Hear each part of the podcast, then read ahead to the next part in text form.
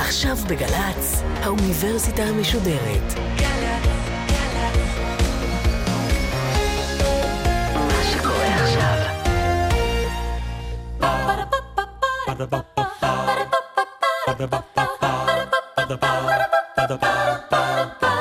האוניברסיטה המשודרת מציגה מסע סביב רעיון, והסמסטר בחירה, והפעם הדוקטור רועית סזנה מאוניברסיטת תל אביב על בחירות עתידיות, עורכת ראשית מאיה גאייר.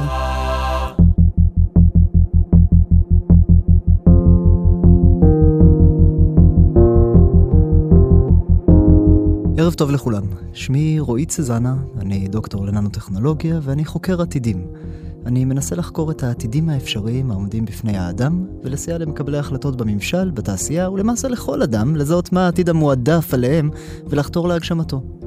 בתחום העתידנות, אנחנו מתנערים מהתפיסה שלפיה יש רק עתיד אחד לפני כולנו, ובמקום זאת מנסים להסתכל על מגוון רחב של עתידים אפשריים, ולהבין איך אפשר להגיע ולהגשים את הטובים מביניהם, ולהימנע מהרעים יותר. וזו מטרת חקר העתידים. אנחנו לא מעוניינים להיות צודקים בתחזיות שלנו כל הזמן, אלא בדיוק להפך. להתריע מבעוד מועד על בעיות ואתגרים עתידיים, כדי שיהיה אפשר לטפל בהם בזמן.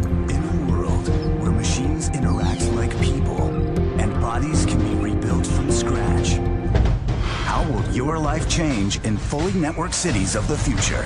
Holographic companions. Hello, Paul. Security systems that recognize you. Cars that drive on their own. בשיחה היום אני רוצה לדבר איתכם על שני עתידים אפשריים שמשפיעים באופן ישיר על הבחירה החופשית של האדם בחברה. חשוב לי לציין שהעתידים האלו עשויים להישמע עגומים, אבל אלו רק עתידים אפשריים. אין שום ודאות שיתממשו במלואם או אפילו בחלקם. הם משמשים אותנו יותר כדי להבין את האתגרים שקיימים בהווה. ורק אם לא יטפלו בהם, אנחנו עלולים באמת להגיע למלוא המשמעויות אה, ההרסניות שטמונות בעתידים האלו. אז אם אתם מוכנים, בואו נתחיל בעתיד הראשון.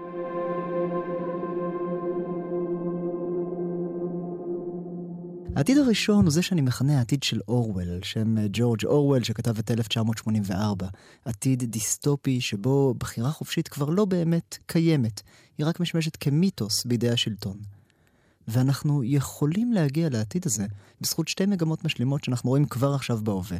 מצד אחד מגמת הדמוקרטיזציה של כוח הייצור, שכוח הייצור מגיע לכולם, ומצד שני מגמת הווירטואליזציה של המידע. המידע עובר לעולם הווירטואלי, לאינטרנט, לטלפונים, לטלוויזיה וכולי. נתחיל במגמה הראשונה, מגמת הדמוקרטיזציה של כוח הייצור. עד לפני מספר עשורים, כוח הייצור היה נתון בעיקר בידיהם של בעלי ההון הגדולים ושל השלטון. אם רציתם ליצור אקדח פשוט, הייתם צריכים מכונות ענקיות בעלות של מיליוני דולרים, שהיו יושבות במפעלים ענקיים, שהיו צריכות המון חשמל, שהייתם צריכים טכנאים מוכנים כדי להפעיל אותם.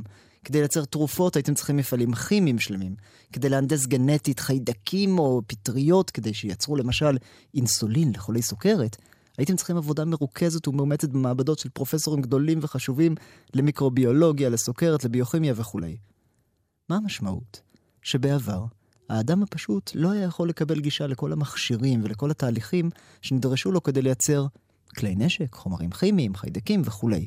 השליטה על אמצעי הייצור נותרה בידי השלטון ובעלי ההון. אבל העידן הזה מתחיל להתמסמס לנגד עינינו הנדהמות. אני לא יודע אם העיניים שלכם נדהמות, אבל אני נדהם כל הזמן כשאני מסתכל במה שקורה בהתפתחויות הטכנולוגיות. מכונות הייצור של היום יעילות וזהירות פי עשרות מונים לעומת קודמותיהן מהמאות האחרונות. מדפסות תלת מימד, למשל. קניתי לי מדפסת תלת מימד לבית, הדפסתי איתה אקדח תוך תשע שעות, שהיה יכול גם לראות כדורים אמיתיים. וכל אחד יכול לעשות את זה. וכדי להפעיל מדפסת תלת מימד אתה צריך רק כמה שעות של התנסות, כך שלכל אדם יכול להיות מפעל קטן ופרטי לייצור נשק בבית בלי שהממשלה תהיה מודעת לכך. מאיפה מקבלים את התרשימים לאקדחים? מורידים אותם מהאינטרנט. ושולחים ישר למדפסת והיא יוצרת חלקי האקדח במקום. כלומר, אתה לא צריך להיות אפילו מהנדס מוכר, אתה רק צריך גישה לאינטרנט. A group of friends and I started a project called Defense Distributed. We wanted to use a 3D printer to print a gun and release the file as open source. אנחנו מתחילים להיות מסוגלים לייצר חומרים כימיים במעבדות ואפילו בבתים. תוך עשר שנים יש כאלו שאומרים שמדפסות תלת מימד, למעשה מפעלים כימיים זעירים, יוכלו להגיע לבית של כל אחד ואחת מאיתנו ולהדפיס ווליום, מורפיום, אבק שרפה, או כל חומר אחר בין לבין. ודיברתי על הנדסה גנטית קצת קודם, שרק במעבדות אפשר לעשות את זה. כשאני התחלתי את התואר הראשון שלי בביולוגיה לפני כמעט 15 שנים, היה צריך, כדי להנדס חיידק, היה צריך סטודנט מוכשר ביותר שיעשה מחקר לתואר דוקטור כדי לעשות את העבודה הזאת. היום, לאחר כמעט שני עשורים של התפתחות טכנולוגית ומדעית, מדובר בעבודה שתלמיד תיכון יכול להוציא לפועל, וזאת לא הגזמה. לא מפתיע לגלות שמסביב לעולם קמות מעבדות ציבוריות להנדסה גנטית, שכל אדם יכול לבוא ולעבוד בהן כדי להגשים את החלומות שלו. ולמעשה יש אנשים שעושים כבר הנדסה גנטית במטבח בבית שלהם. אתם יכולים לחפש do it yourself biology באינטרנט, עשה זאת בעצמך, וללמוד איך לעשות את הדברים האלו בבית. ומה המשמעות של כל הדברים האלו? מבחינת השלטון, מדובר באיום. כי השלטון, המטרה שלו היא לשמר את הסטטוס קוו. ולהגן על האזרחים. וכאשר כל אזרח יכול לייצר כלי נשק, כל אזרח הוא טרוריסט בפוטנציה. כשכל אדם יכול ליצור חומרים כימיים בביתו, קיים פוטנציאל גדול לפיגוע כימי כלשהו, מהסוג שכבר אירע אגב ביפן, כשכת האו"ם שינריקיו החליטה לקרב את יום הדין באמצעות פיזור גז סרין בטוקיו בשנת 1995 ברכבת התחתית שם. עכשיו, הכת יכלה לעשות את זה כי היה לה מפעל כימי גדול שבאמצעותו יצרה את גז הסרין. אבל דמיינו לעצמכם שלכל אדם הייתה יכולת לייצר גז עצבים רעיל בבית ולאגור אותו למקרה הצורך. זה העולם שאנחנו נכנסים אליו. וכשלכל תלמיד תיכון יש כוח לבצע הנדסה גנטית משוכללת, כל תלמיד תיכון יכול גם להנדס חיידקים או נגיפים קטלניים לאנושות. ועכשיו שימו את עצמכם במקום של פקידי הממשלה. פקידי הממשלה רוצים לשמור על האזרחים, זה מה שמצופה מהם, זאת הגדרת התפקיד, אלה התמריצים שהם מקבלים. ופתאום הם מוצפים באיומים. איומים מבחוץ, בצורה של טרוריסטים ממדינות זרות, שיש פתאום אפילו טרוריסט אחד, יש לו כוח עצום להזיק, כמו שראינו במגדלי התאומים, מה שקרה. ואיומים מבפנים, מאזרחים מתוסכלים, מטורפים, זועמים, שכולם יכולים לייצר לעצמם רובים, גז עצבים, נגיפים. ומה גופי הביטחון יכולים לעשות במצב הזה? את הדבר היחיד האפשרי. הם חייבים להתייחס לכל אדם, לכל אזרח, כאילו הוא איום פוטנציאלי עצום. למזלנו, מגמת הווירטואליזציה של המידע, שזאת המגמה השנייה, מאפשרת לממשל להתמודד עם מרבית האיומים האלו. וזאת מכיוון שבעולם הווירטואלי, ברשת האינטרנט, בטלפון, ברדיו, קל מאוד לעקוב אחרי אנשים. וכאן נכנסת ה-NSA לתמונה. ה-NSA היא הסוכנות לביטחון לאומי בארצות הברית. ובשנת 2013 אדוארד סנודן חשף שהיא עושה בדיוק את מה שכל שאר גופי הביון בעולם עושים גם כן, אבל היא עושה את זה כנראה יותר טוב. היא מרגלת ברשת האינטרנט אחר אזרחי המדינה ובטלפונים, ואחר כל שאר תושבי העולם, במטרה לזהות מראש איומים. ב-15 השנים האחרונות, הסוכנות לביטחון לאומי הספיקה לצאת לשיחות הטלפון של יותר מ-120 מיליון אזרחים בארצות הברית. בעשור האחרון נאספו בממוצע 5 מיליארד רשומים מדי יום, המתארים את המיקום, את הזהות, פרטים נוספים של טלפונים ניידים מסביב לעולם. בחודש אחד, ב-2014, יחידה אחת בלבד של הסוכנות אספה מידע על יותר מ-97 מיליארד תכתובות דואר אלקטרוני, ועוד 124 מיליארד שיחות טלפון מכל העולם. לא מוגזם לומר שהסוכנות מרגלת למעשה אחר העולם כולו. וכפי שאמר אה, ראש הסוכנות לביטחון לאומי קיט אלכסנדר כשנפגש עם עמיתיו הבריטים, למה איננו יכולים לאסוף את כל האותות כל הזמן? זאת המטרה שלהם, והם צריכים לעשות את זה כדי להגן עלינו. My first responsibility to the American people is to defend this nation. Let's look back at 9-11 and what happened. The intel community uh, failed to connect the dots in 9-11. And much of what we've done since then were to give us the capabilities, two capabilities that help us connect the dots. What Snowden has revealed has caused irreversible and significant damage to our country and to our allies. אז אנחנו יודעים שכבר היום השלטונות מנסים להתמודד עם האיומים הגדלים באמצעות מערכות ניטור ומעקב מתקדמות בהרבה מכל מה שהיה קיים בעבר. הממשל האמריקני הבין שהוא לא יכול להרשות לאזרחים לפעול באופן חופשי לגמרי, מבלי לפקח עליהם בקפידה. והכוח שניתן, זה בגלל שהכוח שניתן בידי כל אזרח כיום גדול מכדי לאפשר לממשל, לכל ממשל, לעצום עיניים ולחכות לפיגוע הגדול הבא. ואם אתם מאמינים שזה קורה רק בארצות הברית, ששם אדוארד סנודן חשף את מה שקורה מאחורי הקלעים, וזה לא מתקיים בסין, ברוסיה, ואולי אפילו במדינות מתקדמות טכנולוגית מסוימות במזרח התיכון, כל האחת מתוכן, אם אתם חושבים שזה לא קורה גם במדינות האלו, נראה לי שמדובר בתמימות מצדכם. מה המשמעות של סוג כזה של פיקוח מצד הממשל על האזרח? מה המשמעות עבור הבחירה החופשית? קודם כל, חשוב לומר שלא מדובר כאן בתיאוריית קונספירציה. אף אחד לא, לא בא כנגדנו. אנשי הסוכנות והמנהלים שלה לא יצרו את מפעל הריגול הגדול ביותר בהיסטוריה האנושית מתוך כוונת זדון, או כדי לשלוט באוכלוסיית ארה"ב בניגוד לרצונה. הכוונה שלהם הייתה ועודנה להגן על הציבור האמריקני מפני מחבלים, מפני זאבים בודדים, טרוריסטים, ומפני אינדיבידואלים אחרים שיכולים לעשות נזק גדול לציבור אם לא נשמור עליהם את הרסן. הבעיה היא שגם בארצות הברית, וגם ברצ... מתחשב בכל הרצון הטוב הזה, השלטון מקבל כוח עצום על האזרחים. עכשיו, בארצות הברית קיימים עדיין חוקים שכובלים את הסוכנות ואת הצעדים שלה ומה היא יכולה לעשות עם המידע. אבל בואו נדמיין לרגע תרחיש. שמתרחש בארצות הברית אירוע הטרור הגדול הבא. טרור, טרור גדול באמת, כזה שיהרוג מיליון בני אדם, בגלל נגיף מהונדס גנטית. כשמתו כמה אלפי בני אדם באסון התאומים, אסון נוראי, אבל ארצות הברית קמה על הרגליים האחוריות והכל השתנה. יצא חוק הפטריוט, הפרטיות הלכה לכל הרוחות. האם אתם חושבים שאם יקרה פיגוע באמת גדול, חוקי הפרטיות יישמרו כמו שהם נשמרים כיום, עוד איכשהו? ופיגוע כזה או אחר יקרה, בזמן כלשהו, במדינה כלשהי בעולם. וזו המשמעות של מגמת הדמוקרטיזציה של אמצעי הייצור. כשמספיק אנשים נכנים בכוח להרוס, אחד מהם יעשה זאת. ואז ייעלמו רבים מהחוקים שאמורים להגן על האזרחים מהעיניים הפולשניות של השלטון. וכשהשלטון מודע לכל מעשיך, נעלמת במידה רבה האפשרות לבחירה חופשית אמיתית מבחינת הצעדים של הממשל. הממשלה יכולה להשתיק בקלות כל קול מתסיס, מכיוון, מכיוון שהיא עוקבת אחרי כל האזרחים ומודעת למה שהם אומרים. היא אפילו לא צריכה לאסור אותך או לאיים עליך במופגן רק בגלל שאתה יוצא כנגד הממשלה. היא יכולה רק לאסוף אליך מידע, ואז היא תשתמש בו בדרכים מתוחכמות כנגדך. אם אתם חושבים שמדובר כאן שוב בפרנויה, בקונספירציה, הנה מסמך פנימי של הסוכנות לביטחון לאומי בארצות הברית, שגם הוא נחשף בשנים האחרונות כתוצאה מפעולותיו של סנודן. במסמך הזה אנחנו לומדים שאנשי הסוכנות קיבלו הנחיות איך לאסוף מידע מביך על אינדיבידואלים מקצינים. מטיפים דתיים, לאומיים, אידיאולוגיים. במסמך עצמו מתוארים שישה מטיפים מוסלמיים ומודגמות החולשות, נקודות התורפה שלהם, שאותרו עבור כל אחד מהם באמצעות כלי המעקב שתיארנו עד עכשיו. למשל גלישה באתרי פורנו, למשל חשיפת סכומי הכסף שהמטיפים מקבלים עבור הרצאות והופעות בציבור. ואנשי הממשל למדו איך הם יכולים לרסק את המוניטין ואת האמינות של המטיפים האלו עד עפר, בזכות המידע שהשיגו אודותיהם. וזה מתואר במסמך, רשמית. עכשיו, כאשר השלטון מסוגל באופן חוקי או לא חוקי לאסוף מידע ברמת רזולוציה כזו על כל אדם, האם גם אתם בטוחים? האם מישהו מאיתנו בטוח? אני מניח שגם אתם לא מרוצים לגמרי מהפעולות של הממשלה. האם אתם מעיזים להגיד משהו?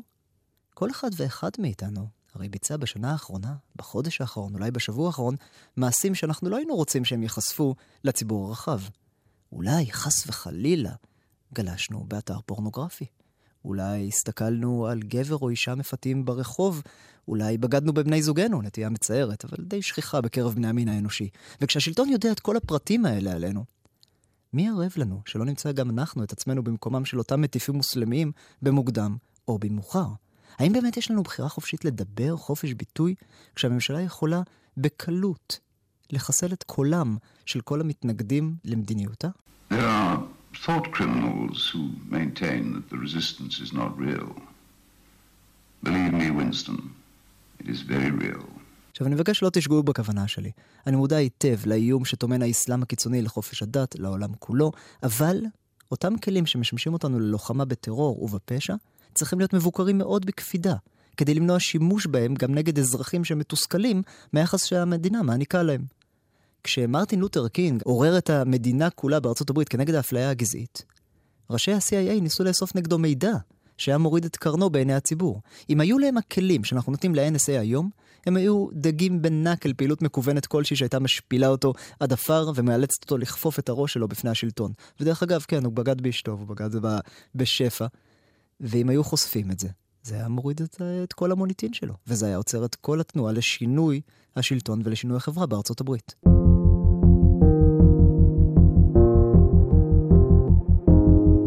העתיד הזה שתיארתי כאן עשוי להישמע לכם קודר עבור הבחירה החופשית של האזרח, אבל אני חוזר ומדגיש, הוא אינו חייב להתממש. מצד אחד אנחנו צריכים לתת לממשל את הכלים לעצור טרוריסטים פוטנציאליים, מצד שני, אנחנו צריכים להגביל את הכוח של הממשל באיסוף ובעיבוד מידע אודות האזרחים. אנחנו יכולים לכפות על גופי הביון נהלים כדי לעשות את זה, שיאלצו אותם לסרוק רק באופן ממוחשב למשל את כל המידע שעובר דרכם, ואז הם יראו רק את המידע הרלוונטי לאיומי טרור. כלומר, לשים עוזרים אה, טכנולוגיים ממוחשבים שמסננים את המידע, ולא נותנים לסוכנות כוח גדול מדי. ואם אתם ממש אמיצים, אתם יכולים גם תמיד להכריז שהפרטיות, זו שמאפשרת לך להיות חופשי באמת ובתמים ולהתבטא כרצונך גם נגד הממשל, היא המשאב החשוב ביותר שעומד לרשות כל אדם במדינה דמוקרטית, ושאסור לשלטון לפגוע בה בשום צורה שהיא. אסור לשלטון לאסוף מידע עליכם בכלל. והאפשרות הזו נשמעת לי מאוד לא נבונה, מאחר והיא פותחת את הצוהר לאיומי טרור קשים. אבל כמו שאמרו אבות האומה האמריקנית, ואני קצת מעוות כאן את המשפט המקורי, מחירה של החירות הוא הפחד. וכדי לשמרה, יש צורך באומץ גדול.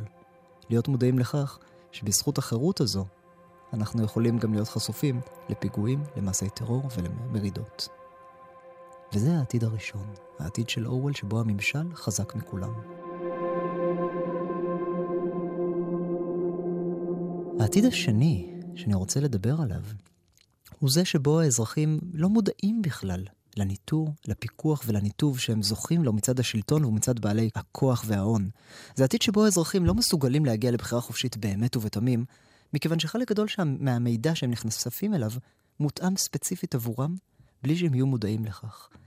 העתיד הזה דומה לעתיד שתיאר אלדוס אקסלי בספרו עולם חדש מופלא, וזה עתיד נפלא. כל האזרחים בו מאושרים עד אין קץ, מסיבה טובה אגב.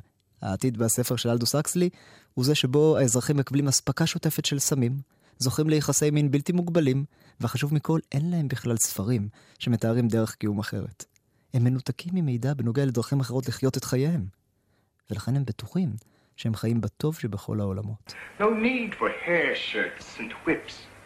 Just the proper button to push and in complete comfort. I don't want comfort. Then what do you want? Unpleasantness? Suffering? Pain?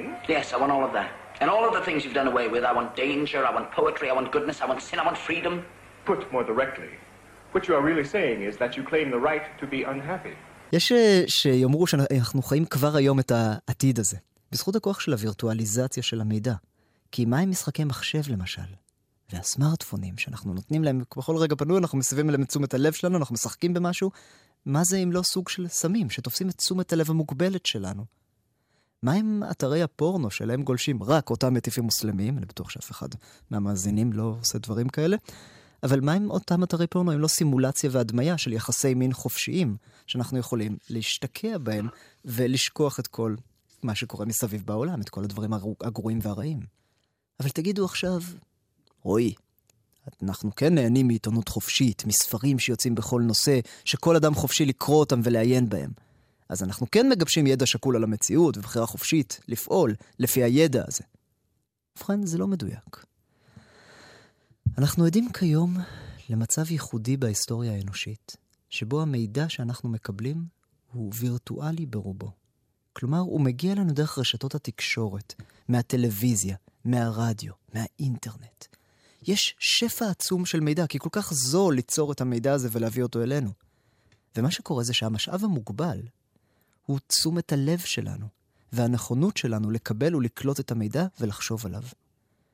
כשיש עודף כל כך עצום של מידע, ותשומת הלב שלנו עדיין נשארת כפי שהיא מוגבלת מאוד, אנחנו חייבים להיעזר בעוזרים אישיים, כדי שהם יבררו עבורנו את המידע שאמור לעניין אותנו. אלו הם שומרי הסף שלנו, היועצים שלנו, מהסוג שהיה בעבר לכל מלך. אלה עוזרים אישיים שלפעמים היו הופכים להיות חזקים יותר מהמלך עצמו, בגלל שהם אלו שמכתיבים איזה מידע יגיע למלך ואיזה מידע יישאר בחוץ. הם אלו שמכתיבים למלך מה תפיסת העולם שלו. אז העוזרים האישיים האלו היו בעבר אנושיים, אבל כיום רובם ככולם ממוחשבים. לדוגמה, גוגל. האלגוריתם של גוגל לומד אתכם. הוא לומד מה אתם מחפשים בדרך כלל, הוא לומד מאיזו מדינה אתם, מאיזו עיר ואפילו מאיזה רחוב. הוא לומד מה תחומי העניין שלכם. וכשאתם מחפשים בגוגל, הוא יפיק עבורכם תוצאת חיפוש שמתאימה בדיוק עבורכם.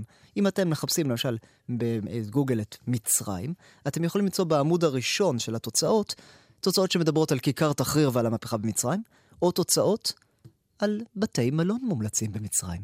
הכל בהתאם למה שמעניין אתכם. עכשיו, זה כמובן שאתם, בסוף הוא ייתן לכם את כל התוצאות האפשריות. בעמוד השני, השלישי, הרביעי, אבל מי מסתכל בכלל בעמוד השני, שלישי והרביעי? ותופעה דומה מתרחשת גם בפייסבוק. לפני שנתיים בערך, אני שמתי לב שבפייסבוק אני מפסיק לראות סטטוסים שכתבו החברים הטבעוניים שלי. ואם לומר את האמת, זאת הייתה הקלה מסוימת, מכיוון שאני קרניבור uh, גדול, ולא אהבתי לראות את כל הסטטוסים האלה שמראים פרות עצובות, שמראים כלבלבים עם עיניים גדולות ששואלים, למה אבא? וההודעות האלה הטרידו אותי מאוד. ולכן שמחתי שפתאום הן הפסיקו. חשבתי שחבריי הטבעוניים הבינו את המצוקה שלי, וגם את מצוקת החיות, אבל גם את המצוקה שלי, והפסיקו לפרסם הודעות כאלו. בבדיקה יותר מעמיקה גיליתי שהם לא הפסיקו לרגע. מה קרה? האלגוריתם של פייסבוק הבין עבורי באופן אוטומטי שזה תוכן שאני לא אוהב, שגורם לי מצוקה מסוימת. הוא הסיק את זה מתוך העובדה שאני לא חבר בעמודים של הטבעוניים האלו, מתוך כך שלא עשיתי לייק, שלא שיתפתי את הסטטוסים האלו, מתוך כך שהנושאים האלה לא מופיעים בהתכתבויות הפרטיות שלי עם חברים, כי גם שם פייסבוק עוקבת אחרינו. ומתוך כל הראיות האלו, האלגוריתם של פייסבוק הגיע למסקנה הנכונה שהסטטוסים האלו מטרידים אותי, והעלים אותם משדה הראייה שלי. אני לא קיבלתי אותם לניוז פיד שלי, לדף הידיעות העיקריות בפייסבוק. וזה נשמע נהדר. כלומר, אני מרוצה, אני רגוע, אני לא צריך להיות עם רגשי אשם יותר לגבי הקרניבוריות שלי. וזאת בדיוק הבעיה. עד היום גופי המידע היו ריכוזיים. כלומר, תחנת טלוויזיה פתחה תוכנית חדשות מסוימת, או שמערכת עיתון הוציאה גיליון מדי יום, ובגלל העלות להביא את המידע להמונים והעלות ליצור את המידע, הגופים היו מוגבלים ביכולות שלהם וכללו חומרים מעניינים עבור כל הציבור. זאת הסיבה שגם בהארץ יש ידיעות שמעניינות ימניים קיצוניים, וגם בישראל היום יש ידיעות של יעניינו אנשים שלא מצביעים לביבי. אבל בעולם הווירטואלי, עלות ייצור והעברת המידע וההכוונה של המידע לכל בן אדם היא אפסית. וברירת המידע, מה יגיע אליי ואני אראה ומה לא, מתרחשת, למעשה, מאחורי הקלעים, באופן וירטואלי. מי בוחר את המידע שכל אדם מקבל, למשל בפייסבוק? האלגוריתם של פייסבוק. לפי מה מתוכנת האלגוריתם של פייסבוק? לפי חוקיות שאנחנו לא מבינים ולא יודעים. האלגוריתם הזה הוא סוד מסחרי. אנחנו יכולים להיות בטוחים רק בדבר אחד, שפייסבוק משתמשת בו כדי להגשים את המטרות שלה, שהן להרוויח כסף. זה בסדר גמור, פייסבוק היא חברה מסחרית, זאת המטרה שלה, להרוויח כסף. אבל היא מרוויחה כסף באמצעות זה שיותר משתמשים נשארים בעולם הווירטואלי של פייסבוק, ויכולים ללחוץ על פרסומות ולראות אותן. עכשיו, אם המשתמשים נחשפים למידע שהם לא אוהבים, טבעונים ופרות אומללות, אז הם יוצאים מפייסבוק, הם לא רוצים להישאר שם. ולכן לפייסבוק יש תמריץ לייעל את האלגוריתם שלהם. ועל ידי כך הם יוצרים סוג של בועה בלתי נראית מסביב למשתמש. אני כבר לא רואה את הסטטוסים המעצבנים של הטבעונים, את הסטטוסים המעצבנים של הימניים הקיצוניים, את הסטטוסים המעצבנים של השמאלנים הקיצוניים, של הערבים, של היהודים וכן הלאה וכן הלאה וכן הלאה. נותנת כאן דוגמאות כמובן מכל מרחב היריעה. אני בעצם שוב יוצר בועה מסביבי. ואתם יכולים להגיד עכשיו, טוב, אז אל תשתמש בפייסבוק. צא החוצה לעולם האמיתי. אבל כל חברה בעולם הווירטואלי משתמשת בכלים דומים כדי לסנן מידע. אמזון ממליצה על ספרים לפי העדפות קודמות, לינקדאין ממליצה על חברים חדשים בהתאם, גוגל נאו משטחים לך את הידיעות העיתונאיות שמעניינות אותך במיוחד, וכולי. זהו פשוט העולם שאנחנו נכנסים לתוכו היום, עולם שכל אדם יכול מאוד בקלות להיקלע בבועה הבלתי הנראית. ויש שיגידו שכבר ראינו את האפקט הזה בבחירות האחרונות. כל החברים השמאלניים שלי בפייסבוק חגגו מדי יום לפני הבחירות, הנה ביבי נופל, הנה ביבי נופל. למה? כי זה כל מה שהם ראו מסביבם. הם היו חשופים רק למסרים של החברים שלהם שלא עצבנו אותם יותר מדי. אז הימנים פשוט נעלמו מסביבם. ומה המשמעות של עולם כזה לעתיד של הבחירה החופשית? המשמעות היא מאוד עגומה. כי בעתיד שבו כולנו מבלים חלק ניכר מהזמן בעולם הווירטואלי, ומשודכים באופן אוטומטי לדעות שתואמות את הדעות שלנו, אנחנו מאבדים למעשה את היכולת לגבש דעה שקולה. אנחנו מאבדים את היכולת לראות את המציאות ואת העולם המורכב כמו שהוא. ואחת מהנחות היסוד של הדמוקרטיה היא שכל אזרח הוא יצור רציונלי ותבוני, שמסוגל לשקול את המידע שבהווה ולגבש ידע, תובנות בנוגע למציאות ולדרך הפעולה המיטבית. אבל כשחברות הענק, שמככבות בעולם הווירטואלי, הפייסבוק, הגוגל וכולי, שהחברות האלה יכולות לשלוט ברזולוציה גבוהה כל כך במידע שמגיע אלינו, האם האזרח יכול לייצר ידע משלו שבאמת ישקף את המציאות? האם באמת יש לנו בחירה חופשית כאשר הספרים שאנחנו קוראים נבררים ברמה גבוהה כל כך? עכשיו, כל אדם יכול לשתק את האלגוריתם של פייסבוק. תיכנסו לסטינגס, תיכנסו לפה, תיכנסו לשם, ותלחצו וי, והנה, יופי. ואז אתם מוצפים פתאום באלפי סטטוסים שלא מעניינים אתכם. אנחנו זקוקים לבוררי המידע הטכנולוגיים האלו, אבל אחד האתגרים הגדולים עבור הדמוקרטיה יהיה למצוא את הדרך לתכנת אותם נכון, כך שיעבירו לנו גם מידע שאנחנו לא רוצים לדעת, אבל חייבים לדעת, כדי להיות אזרחים מושכלים. ואם לא נמצא דרך להתמודד עם מצב העניינים הזה, אנחנו עלולים להגיע בקלות לעתיד שבו חברות וממשלות שולטות במידע המועבר לכל אדם ואדם, דרך פייסבוק, דרך, דרך גוגל, דרך אפילו מסרונים אישיים. והם מעצבים את ראיית העולם שלו, ובהתאם לכך גם את הבחירות שלו. הדמוקרטיה במצב כזה נהיית פארסה, נהיית מיתוס. מה אפשר לעשות כנגד העתיד השני הזה? אז קודם כל, אני לא אומר לכם לכבות את האלגוריתם ברירת המידע של פייסבוק, אבל הפתרון האישי שלי הוא כמעט לעולם לא להתנתק מחברים. כדי שכל החברים שלי בפייסבוק, גם אם מפרסמים דעות שמעצבנות אותי נורא, הם עדיין, אני עדיין אראה את הדעות האלו, אני עדיין אוכל להבין מה קורה בעולם מסביבי. פתרון ברמה רחבה יותר הוא להביא את הבעיה ואת האתגר לפתח הדלת של המחוקק הממשלתי, כדי להתחיל בתהליכי חשיבה בנוגע לדרך הטובה ביותר למנוע מהחברות להציף אותנו במידע ריק, מידע מתוק ועשיר בקלוריות, אבל נטול תוכן ממשי. ויכול להיות, זה דבר שאני די חרד ממנו, אבל יכול להיות שאין דרך אמיתית להילחם במגמה הזו. כי אנחנו רוצים את מה שעושה אותנו שמחים, והמחוקק בוודאי לא רוצה לתת לנו את מה שעושה אותנו לא שמחים, עצובים ועצבניים. ויכול להיות שאין דרך אמיתית להתמודד עם זה, ושאנחנו נכנסים לעולם שבו רק מתי מעט יהיו בעלי כוח הרצון, הנכונות והידע הטכני שצריך כדי לראות את התמונה כולה.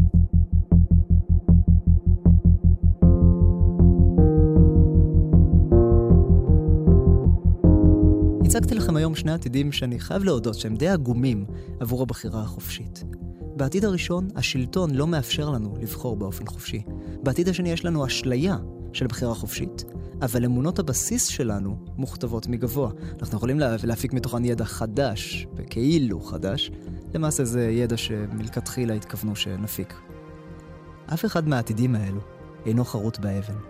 אלו הן אפשרויות בלבד, שנובעות מהמציאות כיום, ויכולות להשתנות בהתאם לכוח שנפעיל על המחוקק כדי להגביל את חדירתו לפרטיותנו, או בהתאם להבנה שלנו שהעולם הווירטואלי מסתיר מאיתנו, פעמים רבות, את האמת המרה.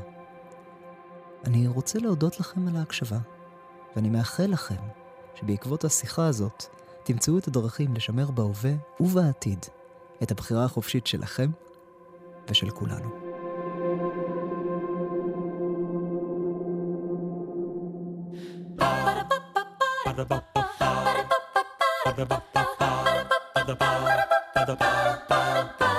האוניברסיטה המשודרת, מסע סביב רעיון. הדוקטור רועי צזנה מאוניברסיטת תל אביב על בחירות עתידיות. עורכת ומפיקה דרור שדות. ביצוע טכני טל וניג. מפיקה ראשית אביגיל קוש. מנהלת תוכן מאיה להט קרמן. האוניברסיטה המשודרת, בכל זמן שתרצו, באתר וביישומון של גל"צ וגם בדף הפייסבוק של האוניברסיטה המשודרת.